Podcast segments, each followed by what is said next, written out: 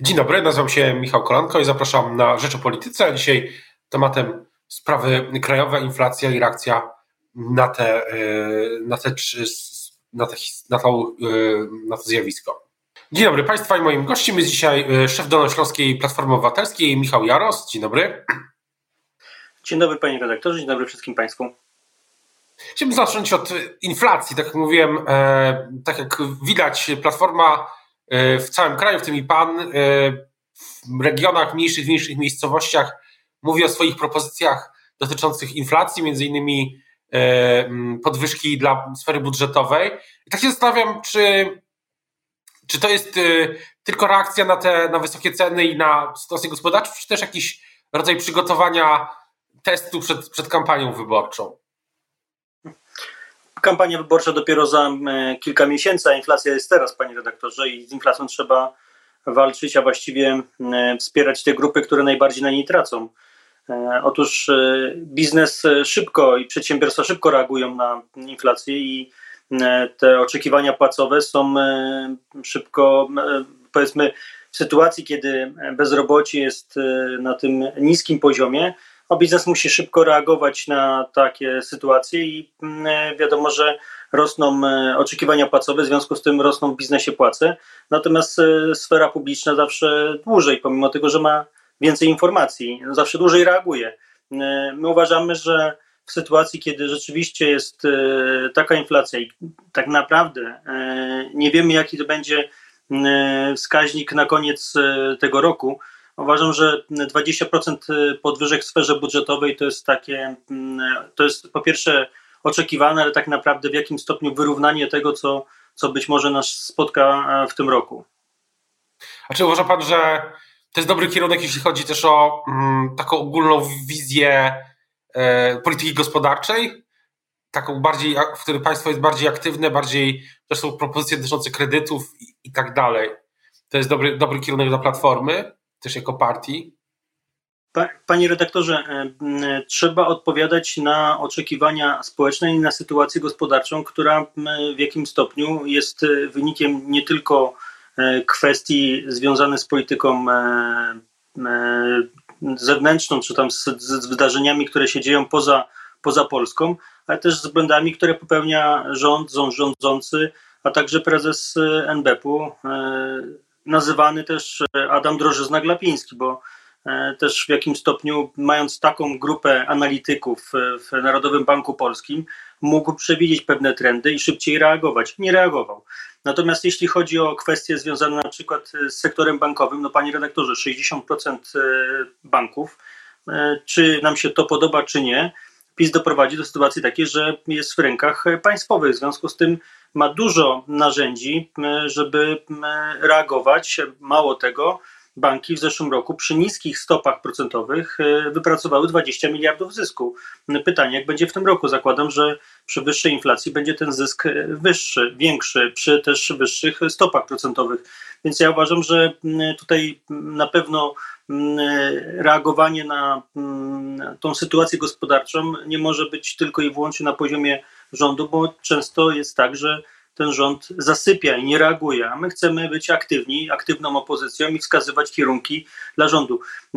Ja zawsze mam takie, panie redaktorze, podobnie jak pan, e, e, oczekiwania od tego, żeby państwo przede wszystkim e, było dobrze zarządzane, ale też, co tu dużo mówić, państwo nie powinno ingerować zbyt wiele w przestrzeni gospodarczych. Natomiast państwo rozrosło się do takiej, do takiej, do, na taką skalę, no, e, że też e, w jakim stopniu, też nie chcę teraz wchodzić w szczegóły, że wiele instytucji powinno być, nie powinno powstawać, nie powinny być powoływane do życia, bo to też czasami jest tak, że to jest takie miejsce dla E, polityków i dla ich e, współpracowników, a no i tych przestrzeni rzeczywiście wiele powstało i tam powinniśmy szukać ograniczeń, e, ale reagować też dla tych osób, które ciężko pracują, jak chociażby edukacja i nauczyciele. Oni naprawdę potrzebują tych podwyżek. Czyli natomiast pytanie jest, na ile to się pokrywa z, z, tym, co pan słyszy w terenie, bo widzę w mediach społecznościowych i, i, nie tylko w mediach społecznościowych oczywiście, że sporo czasu spędza pan jako szef Dolnośląskiej Platformy w, te, w terenie i pytanie, jaki jest taki dzisiaj na, dzisiaj na wiosnę nastrój społeczny? Co, czy, czy tematem numer jeden dalej jest y, wojna w Ukrainie, czy to są, y, czy to jest tak, że Platforma próbuje y, no, zwrócić uwagę na to, co dzieje się właśnie poza tym, poza tą, poza tą, poza tymi tragicznymi informacjami? Panie redaktorze, jedna kwestia to jest Ukraina i mamy dwa, dwa ważne wyzwania jako, jako państwo, jako wspólnota też w jakimś stopniu. E, po pierwsze, wspierać e, wojska ukraińskie i całą administrację ukraińską w walce, e, i to jest, to jest w dużej mierze rola rządu, rządzących, dużym wsparciem samorządu i też tak naprawdę ludzi, bo wielu z nas się organizowało nie tylko w zbiórki na rzecz Ukraińców i Ukrainek, które, którzy przyjechali do naszych miejscowości, ale też na rzecz tych, którzy tam rzeczywiście walczą czy przebywają na Ukrainie. E, I to jest pierwsza kwestia. Druga kwestia to jest oczywiście pomoc uchodźcom, uchodźczyniom e, na miejscu, w, w Polsce, w naszych e, małych ojczyznach. Mówiąc wprost, panie redaktorze, nie tylko do Wrocławia przyjechali uchodźcy w wielu miejscowościach, tak jak chociażby Wąsosz, czy, czy na przykład Twardogóra. Spotykałem uchodźczynie i z nimi też rozmawiałem, bo rzeczywiście do wielu miejsc te osoby trafiły. To wsparcie jest potrzebne i na pewno ważne. Y, to, co się słyszy w terenie, panie redaktorze, no to już dzisiaj y, widzimy, że ten temat wsparcia dla Ukrainy już nie jest tak nośny i też nie jest tak nie jest takim, nie jest takim tematem, który jest wiodącym w rozmowach. Pojawiają się też oczywiście pytania, kiedy to się skończy i nie tylko chodzi o kwestię wojny, ale też kwestie E, wsparcie dla uchodźców. I nie mówię tutaj o samorządowcach i osobach, które opiekują, tylko o ludziach, którzy z zewnątrz e, często pomagali albo pomagają i też już w jakimś stopniu e, no, pod tym wielkim zaangażowaniu też poświęcili i swoje środki i czas i też wracają do swoich codziennych obowiązków. I to jest moim zdaniem tutaj, panie redaktorze, ważne, że coraz więcej, coraz częściej się mówi o tym, co w Polsce jest, co w Polsce jest złego i dlaczego my dzisiaj ponosimy duże koszty różnych propozycji, które PiS w ostatnich latach e, wdrażał. Tak naprawdę ratując na przykład, e, próbując ratować gospodarkę, do, dodrukowywał pieniądze. I dzisiaj jest tego efekt w postaci inflacji. Oczywiście czynników zewnętrznych jest bardzo dużo, jak chociażby łańcuchy dostaw, które zostały przerwane i to powoduje oczywiście, że wzrastają też ceny wielu e, najpierw produktach, przy półproduktach, a na koniec też i usługach. Natomiast y, i to, to słychać, panie redaktorze, słychać oczekiwania płacowe, głównie w sferze budżetowej, y, chociażby wśród nauczycieli, tak jak powiedziałem, edukacji naprawdę musimy zainwestować środki nie tylko w tym takim krótkim okresie rocznym czy dwu, dwuletnim, reagować na inflację, ale też w takim długim okresie, dlatego że w terenie, jak pan redaktor tak to określił, słychać e, to samo, co w wielu miastach w Polsce, że kadra nauczycielska e, jest, e, to nie jest kadra młoda. My nie mamy E, młodego narybku wśród e, nauczycieli. Jest to zdecydowanie zbyt mało osób e, i za kilka lat być może nie będzie miał kto uczyć naszych dzieci. I to jest wielkie wyzwanie, które dzisiaj stoi przed nami, przed rządzącymi, ale też przed odpowiedzialną opozycją. Musimy inwestować w edukację, a jedną z inwestycji to jest właśnie kwestia podnoszenia płac nauczycieli. Natomiast pytanie jest też, jak pan ocenia sytuację Platformy dzisiaj po pół roku prawie po zmianach wewnętrznych, po tym też jak pan został szefem Dolnośląskiej Platformy. Pamiętam, że w czasie kampanii wyborczej też duży nacisk kładł na to, żeby odwiedzać wszystkie miejscowości, regiony, e, subregiony e, w pana e, w, w, w tym, na Dolnym Śląsku. Pytanie, jaki jest dzisiaj pana, pana wniosek po tych, w tych wszystkich rozmowach? Czego Platformie, może zapytam tak, czego pana zdaniem Platformie teraz jeszcze brakuje, żeby wygrywać e, wybory. Panie redaktorze, no niewątpliwie wygrywamy w dużych miastach. E, to jest e, sprawa oczywista. Nie możemy stracić dużych miast. Myślę, że tutaj e, ten trend się nie zmieni, w dużych miastach będziemy wygrywali. Natomiast kluczem dla nas nie jest tylko i wyłącznie zwycięstwo w powiatach grodzkich, ale przede wszystkim w powiatach ziemskich. To w powiatach ziemskich e, PiS zdecydowanie zyskał w ostatnich latach, nie tylko w 2000, ale widać to ewidentnie w 2019. Moim zdaniem największe wyzwanie dla nas, czyli Polskę tylko o miasta powiatowe, E, bo w nich w dużej mierze zwyciężamy, przynajmniej na ścianie zachodniej, gorzej oczywiście ze wschodem, ale przede wszystkim w tych mniejszych miejscowościach. My musimy też e, powalczyć o, wieś. Ta wieś jest inna niż ta wieś z 2004 i przed 2004 roku. To są przedsiębiorcy rolni, to są producenci rolni, to są obszary wiejskie, na których e, mieszka dużo osób, którzy się wyprowadzili, wyemigrowali z tych większych miast i to jest trend, który widocznie jest w całej Polsce i o tych wyborców musimy walczyć. I to jest moim zdaniem dzisiaj największe wyzwanie, które stoi przed Platformą i to, do, to dobrze, że Platforma to dostrzega. Ja przynajmniej na Dolnym Śląsku wykonuję rajd nie tylko po tych większych miejscowościach. Wczoraj byłem w Wałbrzychu. Ciekawa rozmowa też prezydentem Szełemejem o tym wsparciu samorządu, nie tylko w kontekście tych spraw bieżących i wyzwaniach dla samorządu, ale też, co ważne, panie redaktorze, trzeba być w tych mniejszych miejscowościach i o nich starać się walczyć. Tam też trzeba mieć struktury, tam muszą być przedstawiciele Platformy Obywatelskiej i całej opozycji, bo nie wygramy, mówiąc wprost, jeżeli będziemy tylko i wyłącznie kierowali jakiś przekaz, komunikaty z perspektywy Warszawy, Wrocławia czy Poznania. Musimy być obecni w terenie nie tylko jako parlamentarzyści, ale po prostu jako Platforma Obywatelska. Ludzie Platformy Obywatelskiej, członkowie, członkinie, sympatycy, sympatyczki. To jest moim zdaniem dzisiaj największe wyzwanie dla Platformy i to się dzieje. Jest pytanie jest ale pytanie, pytanie jest in, inne. Czy to jest, bo mówi Pan zawalczyć o powiaty ziemskie, zawalczyć o mniejsze, średnie miejscowości, zawalczyć o też tereny wiejskie, ale pytanie, czy to jest tak, że to jest kwestia tego, że trzeba mm, po pierwsze, trzeba bardziej pomysłów, bardziej obecności, czy bardziej e, samego dotarcia z tym e, przesłaniem, bo wielu polityków opozycji, nie tylko Platformy mówi, w mniejszych miejscowościach, na wsi e, dominują, dominuje informacje z mediów publicznych, nam jest tam bardzo ciężko albo wręcz jest to niemożliwe.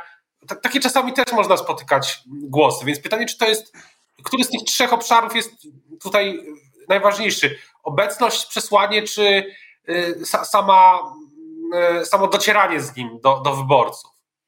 Wszystko, panie rektor. Dystrybucja informacji oczywiście jest ważna. E, ja zacznę może inaczej. E, potrzebujemy ja, ja, ja, ja wdrożyłem taki schemat funkcjonowania w, i staram się odbudowywać też w jakimś miejscu, w wielu miejscach struktury według schematu człowiek, miejsce, spotkanie. Znaczy musi być osoba, która jest, e, e, jest z tej mniejszej miejscowości, z danej gminy.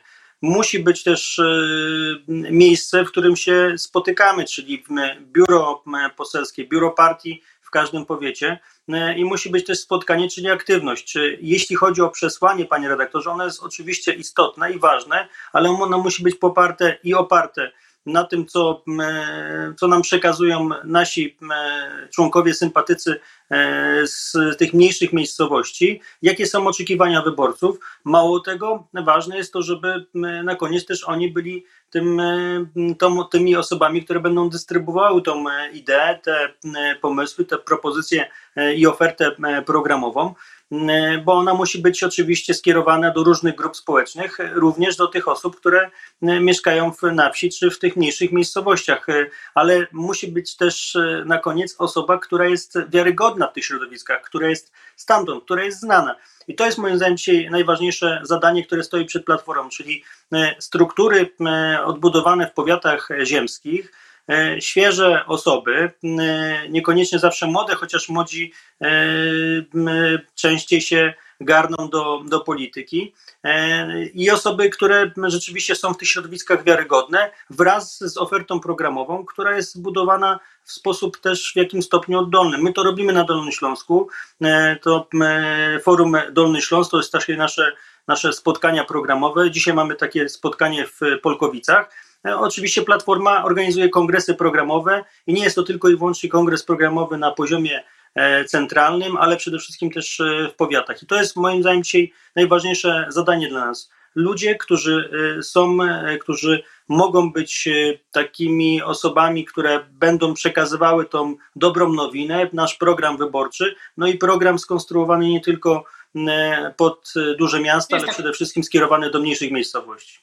Czyli to nie jest tak, że pan zakłada, że ta dominacja powiedzmy informacyjna, czy, czy to, że dla niektórych wyborców media e, publiczne są głównym źródłem informacji, media, e, w których mniej jest o platformie, o tak bym to ujął dyplomatycznie, to nie jest dla Pana coś, co jest przeszkodą. Na pewno, Panie redaktorze, dzisiaj jest tak, że trudniej jest nam przebić się z tym przekazem, który jest przygotowywany w telewizji polskiej od godziny 17 do godziny 22 w TVP Info jest właściwie jeden przekaz, jedna teza. Każdego dnia jest atakowana w jakimś stopniu Platforma czy Donald Tusk. Natomiast e, z tym nie wygramy, w tym sensie, że telewizja się po prostu nie zmieni. Jacek Kurski obrał taki kurs, e, dostał e, przyzwolenie na taką telewizję i trudno z tym dyskutować. Po prostu trzeba zbudować w przyszłości nowe publiczne media, które są pluralistyczne i niezależne w jakim stopniu, albo mniej zależne od władzy i rządzących. Natomiast to nie można, nie można się załamywać.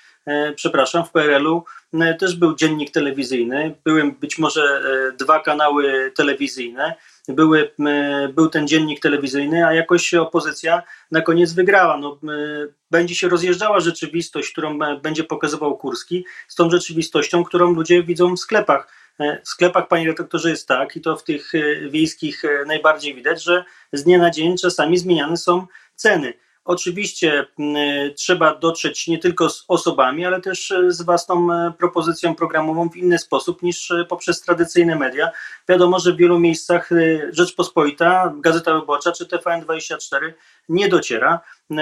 Trzeba też mieć własne kanały dystrybucji tej informacji i nie tylko internet, ale przede wszystkim też inne nośniki. Ale to jest, to, jest, to są rzeczy techniczne, proszę mnie nie e, dopytywać o to. Proszę wierzyć, że będziemy przygotowani na to, żeby e, tą informację rzetelną przekazywać mieszkańcom, którzy mają tylko w wielu przypadkach dostęp do TVP Info. Rzeczy techniczne też są, też są ciekawe, ale na koniec zapytam jeszcze o rzecz taką zupełnie fundamentalną, czy dla Pana, z Pana punktu widzenia, z tego też punktu widzenia tym, z tych spraw, o których rozmawialiśmy przed, przed chwilą, czy to jest, na ile to jest ważne, w jakiej konfiguracji pójdzie opozycja? Czy, czy, czy, czy wyobraża Pan sobie taką kampanię, mm, tak jak to zrozumiałem, też w dużej mierze oddolną, taką też kampanię w pełni no, w całym terenie województwa, na przykład e, ramię w ramię z politykami, polityczkami Pana w regionie Lewicy, PSL-u, e, ruchu Szymona Hołowni. Jest to dla Pana i oczywiście partnerów z Koalicji Obywatelskiej, z Nowoczesnej, z Zielonych, z Inicjatywy Polskiej. Jak, jak to pan widzi? Ja, panie redaktorze, nie mam problemu, jeśli chodzi o współpracę z ludźmi z opozycji.